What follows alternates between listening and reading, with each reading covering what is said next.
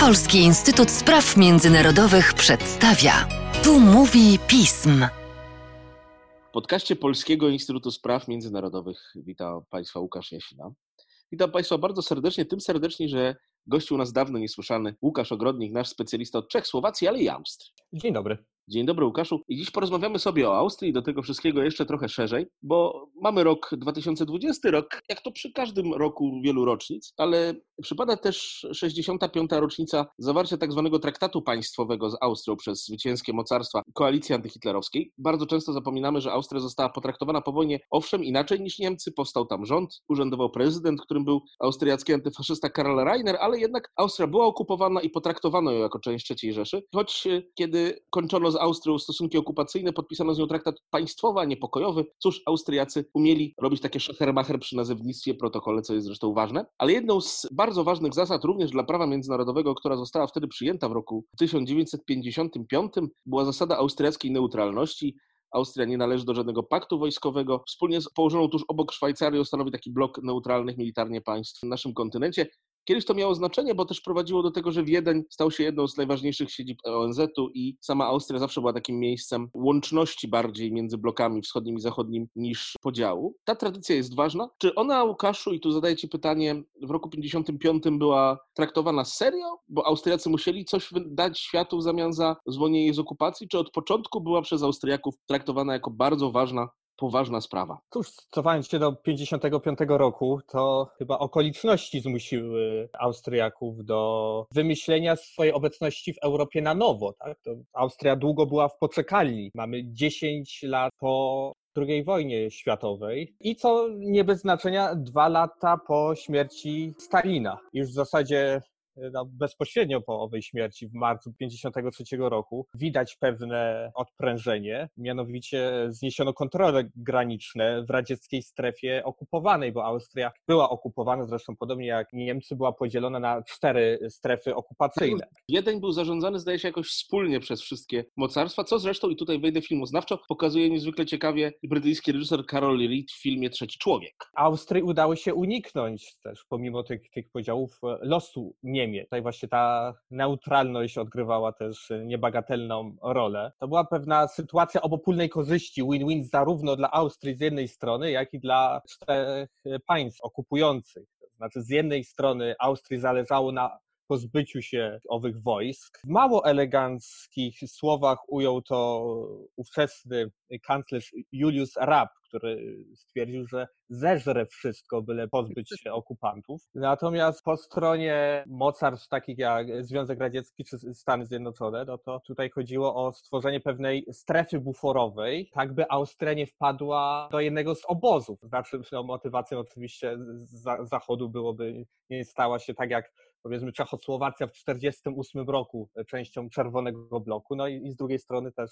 no, biorąc pod uwagę położenie Austrii i naturalne jakby takie dążenia do, do Zachodu, Związkowi Radzieckiemu zależało, by, nie stała się częścią na przykład NATO. Także ten bufor u granic żelaznej kurtyny, tak? Jak, jak ujął to w 1946 roku Winston Churchill w tym słynnym przemówieniu Fulton w stanie Missouri. Chociaż jakby tą linię Szczecin Triest poprowadzić po linii prostej, no właśnie to przepoławia Austrię na, na pół, tak? Ale to jest 46 rok, a, a nie 55. Plus bardzo często zapominamy, że Wiedeń znajduje się znacznie bardziej na wschód niż Praga na przykład. Tak, Praga znajduje się bardziej na zachód niż, niż Wiedeń czy Bratysława. Tak? Jest to takie paradoksy geografii. Także Austria musiała wymyślić na nowo i oto w październiku 26 października, równo 65 lat temu, zostaje e, przyjęty e, akt e, prawa wewnętrznego przez ówczesny parlament. To są raptem dwa artykuły, cztery lapidarne zdania, które najkrócej mówiąc stwierdzają, że ta obrona wieczystej neutralności będzie postępować za pomocą wszelkich dostępnych środków przez Austrię i polega ona z grubsza na braku baz wojsk jakby cudzych na, na swoim terytorium i Austria wyrzekła się wstępowania do sojuszy militarnych, tak, takich jak NATO. To też było wcześniej przedmiotem konsultacji w Moskwie, zawarto memorandum moskiewskie kwietniu 1955 roku. No i, i w tym memorandum y, znajdujemy stwierdzenie, że Austria będzie neutralna na wzór Szwajcarii. Szwajcaria, jak wiemy, no to inna epoka, postnapoleońska, 140 lat wcześniej, tak? Ale tutaj Szwajcaria była pewnym punktem odniesienia dla Austrii. Austria to jednak i jej neutralność to produkt zimnej wojny. A po drodze e, też, e, Łukaszu, mamy wspomniany przez Ciebie traktat państwowy, tak?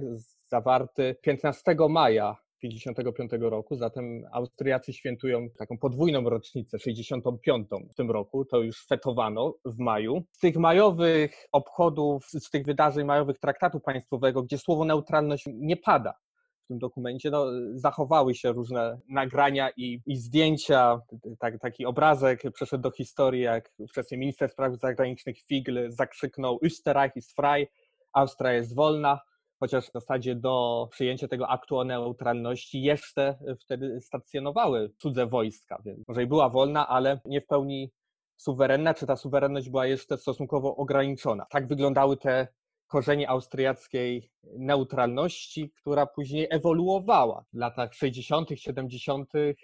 austriaccy decydenci no, wrzucili taki wyższy bieg tej neutralności. Słynny kanclerz Bruno Krajski ukuł takie stwierdzenie aktywnej neutralności. Tak jak wspominałeś też, Łukaszu, na początku naszego podcastu, Austria stała się siedzibą wielu różnych organizacji międzynarodowych, wspomniałeś Narody Zjednoczone. Ci ze słuchaczy podcastu, którzy byli w Wiedniu, na pewno kojarzą takie UNO City na wyspie na Dunaju. Są również inne organizacje, takie jak OBWO, OPEC, one mają swoje główne siedziby właśnie. Zawsze e, zaskakiwało mnie Łukaszu, zwłaszcza OPEC, biorąc pod uwagę, że przecież Wiedeń nie jest i Austria nie są znaczącym krajem, jeżeli chodzi o wydobycie ropy naftowej. Tak, aczkolwiek właśnie to Wiedeń stał się siedzibą, stał się takim hubem dyplomatycznym i, i nadal poniekąd jest, tak? Więc mówiąc Josephem Najem, ta neutralność stała się soft power Austrii po tej wielowiekowej e, tradycji domu Habsburgów, tradycji, której dewizą było wy inne narody wojujcie, a ty Austrio, szczęśliwa Austrio e, no to kontynuacją tej polityki pokojowej jest właśnie wykreowanie tego wizerunku mediatora, organizatora różnych pokojowych konferencji. Przyczynkiem do tego było Wiedeń jako, jako siedziba tych wszelakich organizacji. Co do tych wspomnianych różnych konferencji pokojowych, to ostatnich wydarzeń, no to we wrześniu spotkali się przedstawiciele Stanów Zjednoczonych i Rosji w kwestii rozbrojeniowej. Chodzi tutaj o, o traktat New START. Wcześniej też we wrześniu bieżącego roku Austria zaproponowała zorganizowanie takich rozmów o Górskim Karabachu pomiędzy Armenią i Azerbejdżanem. Temat poruszany również przez podcast Pismu nie, nie tak dawno, temat bardzo nośny. W 2015 roku JCPOA, nuklearny deal, to porozumienie z Iranem było właśnie w Wiedniu zawarte. No a wcześniej to oczywiście też ta potężna karta zimnowojennych konferencji, spotkań na szczycie, tak jak w 1961 roku spotkanie Kennedy-Chruszczow, no to też Wiedeń tutaj nie bez przypadku stał się właśnie siedzibą tego odprężenia pomiędzy wielkimi mocarstwami. No, zresztą decydenci austriaccy, e, w tym aktualny kanclerz Sebastian Kurz, lubią podkreślać też, też tą funkcję pomostu. Brückenbauer używają często takiego sformułowania i to w różnym kontekście to jest bardzo, bardzo różnie używane z lubością przez decydentów. Także ta koncepcja neutralności ewoluuje no i, i, staje się coraz częściej takim wytrychem, wytrychem używanym y, do legitymizowania różnych polityk. Przykładowo też wspomniany kanclerz Kurz y, mówił o neutralności technologicznej Austrii. Cóż to znaczy? To znaczy w kontekście 5G zostało to sformułowanie użyte, tak żeby na przykład nie wyłączać kontraktów chińską firmę Huawei, tak jak stało się to już w niektórych europejskich państwach, również e, no, niejednokrotnie za zachętą Stanów Zjednoczonych. Ta neutralność też jest e, pełna, pełna różnych paradoksów, jest szeroko stosowana. Także, także Łukasz, tak to wygląda. Czy je, jeszcze mogę na, na Twoje jakieś pytanie odpowiedzieć dotyczące neutralności na przykład? Czekałem tutaj grzecznie na koniec swojego rysu historycznego, bo nie wolno, broń tak. Boże, takiej narracji przeszkadzać. I pytania mam, jak najbardziej. I to pytanie dotyczy współczesności, którą nam już częściowo zarysowałeś. Mówię o jedna bardzo ważna sprawa. Czy ta kwestia neutralności jest w tej chwili rzeczą powszechnie w Austrii akceptowalną, elementem jakiejś społecznej umowy? Czy też są siły w Austrii, które chciałyby przynajmniej tą formalną rzecz zmienić, traktując ją jako blokadę czegoś, co może według nich poprawić austriacką sytuację. Neutralność Austrii stała się marką Austrii. Troszkę złośliwie ujął to były kanclerz Wolfgang Schüssel, który powiedział, że obok koni lipicanów mhm. e, oraz tych słodyczy Mozart Kugel, neutralność stała się taką marką Austrii.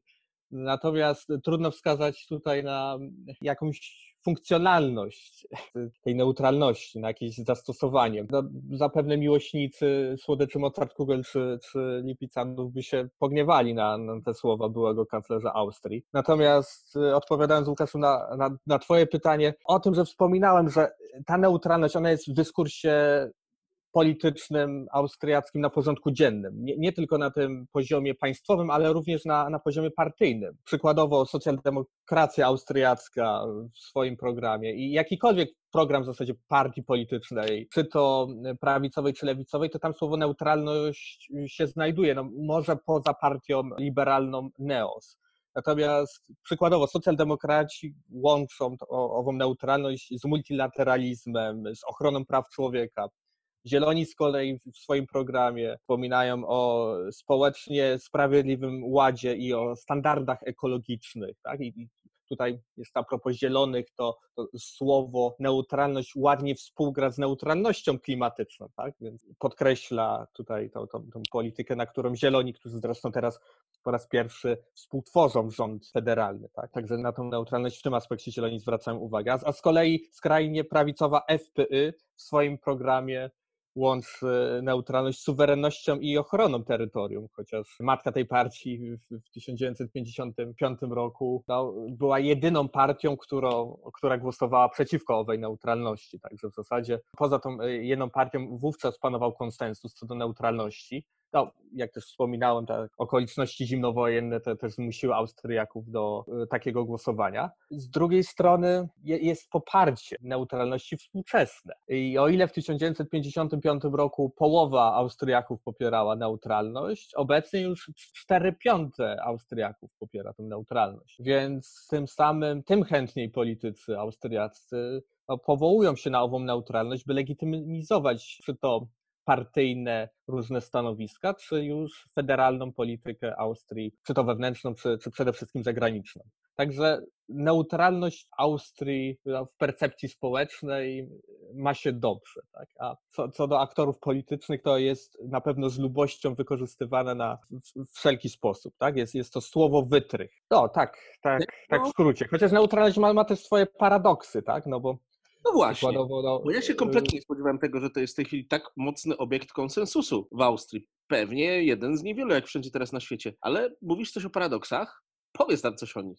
To znaczy, wspominałem w kontekście tej ustawy w 1955 roku, tak? O, o, o tym, że Austria nie może być częścią sojuszy wojskowych, tak? I, i, i jak wiemy, Austria no, nie jest przykładowo członkiem NATO. Natomiast Austria przecież jest członkiem Unii Europejskiej, a ta Unia Europejska też wygenerowała e, pewną politykę zagraniczną i bezpieczeństwa. Tak? Co więcej, Austria no, opowiedziała się za PESCO i głosowała za powołaniem właśnie takiej formy współpracy bezpieczeństwa.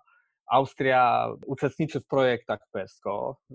Chwili obecnej to jest pięć projektów na, na 47. Kilkukrotnie uczestniczyła w grupach bojowych EU Battle Force, które funkcjonują w ramach Unii Europejskiej. E, co więcej, Austria współpracuje też z NATO w ramach Partnerstwa dla Pokoju. No i wielokrotnie uczestniczyła w wszelakich misjach błękitnych hełmów. Także to zaangażowanie militarne, pomimo tej neutralności, nie, niektórzy publicyści nawet mówią, że ta, ta neutralność jest, jest papierowa, tak? Skoro Austria tak aktywnie uczestniczy od początku lat 60. de facto w różnych misjach wojskowych, to cóż, cóż ta neutralność jakby znaczy obecnie, więc chyba trzeba to minimalistycznie ową neutralność interpretować jako, jako właśnie w dalszym ciągu brak zgody na bazy wojskowe nie swoich sił zbrojnych, czyli nie Bundesheer i brak zgody na wstąpienie do sojuszu militarnego, ale stricte sojuszu militarnego, takim jakim jest NATO, a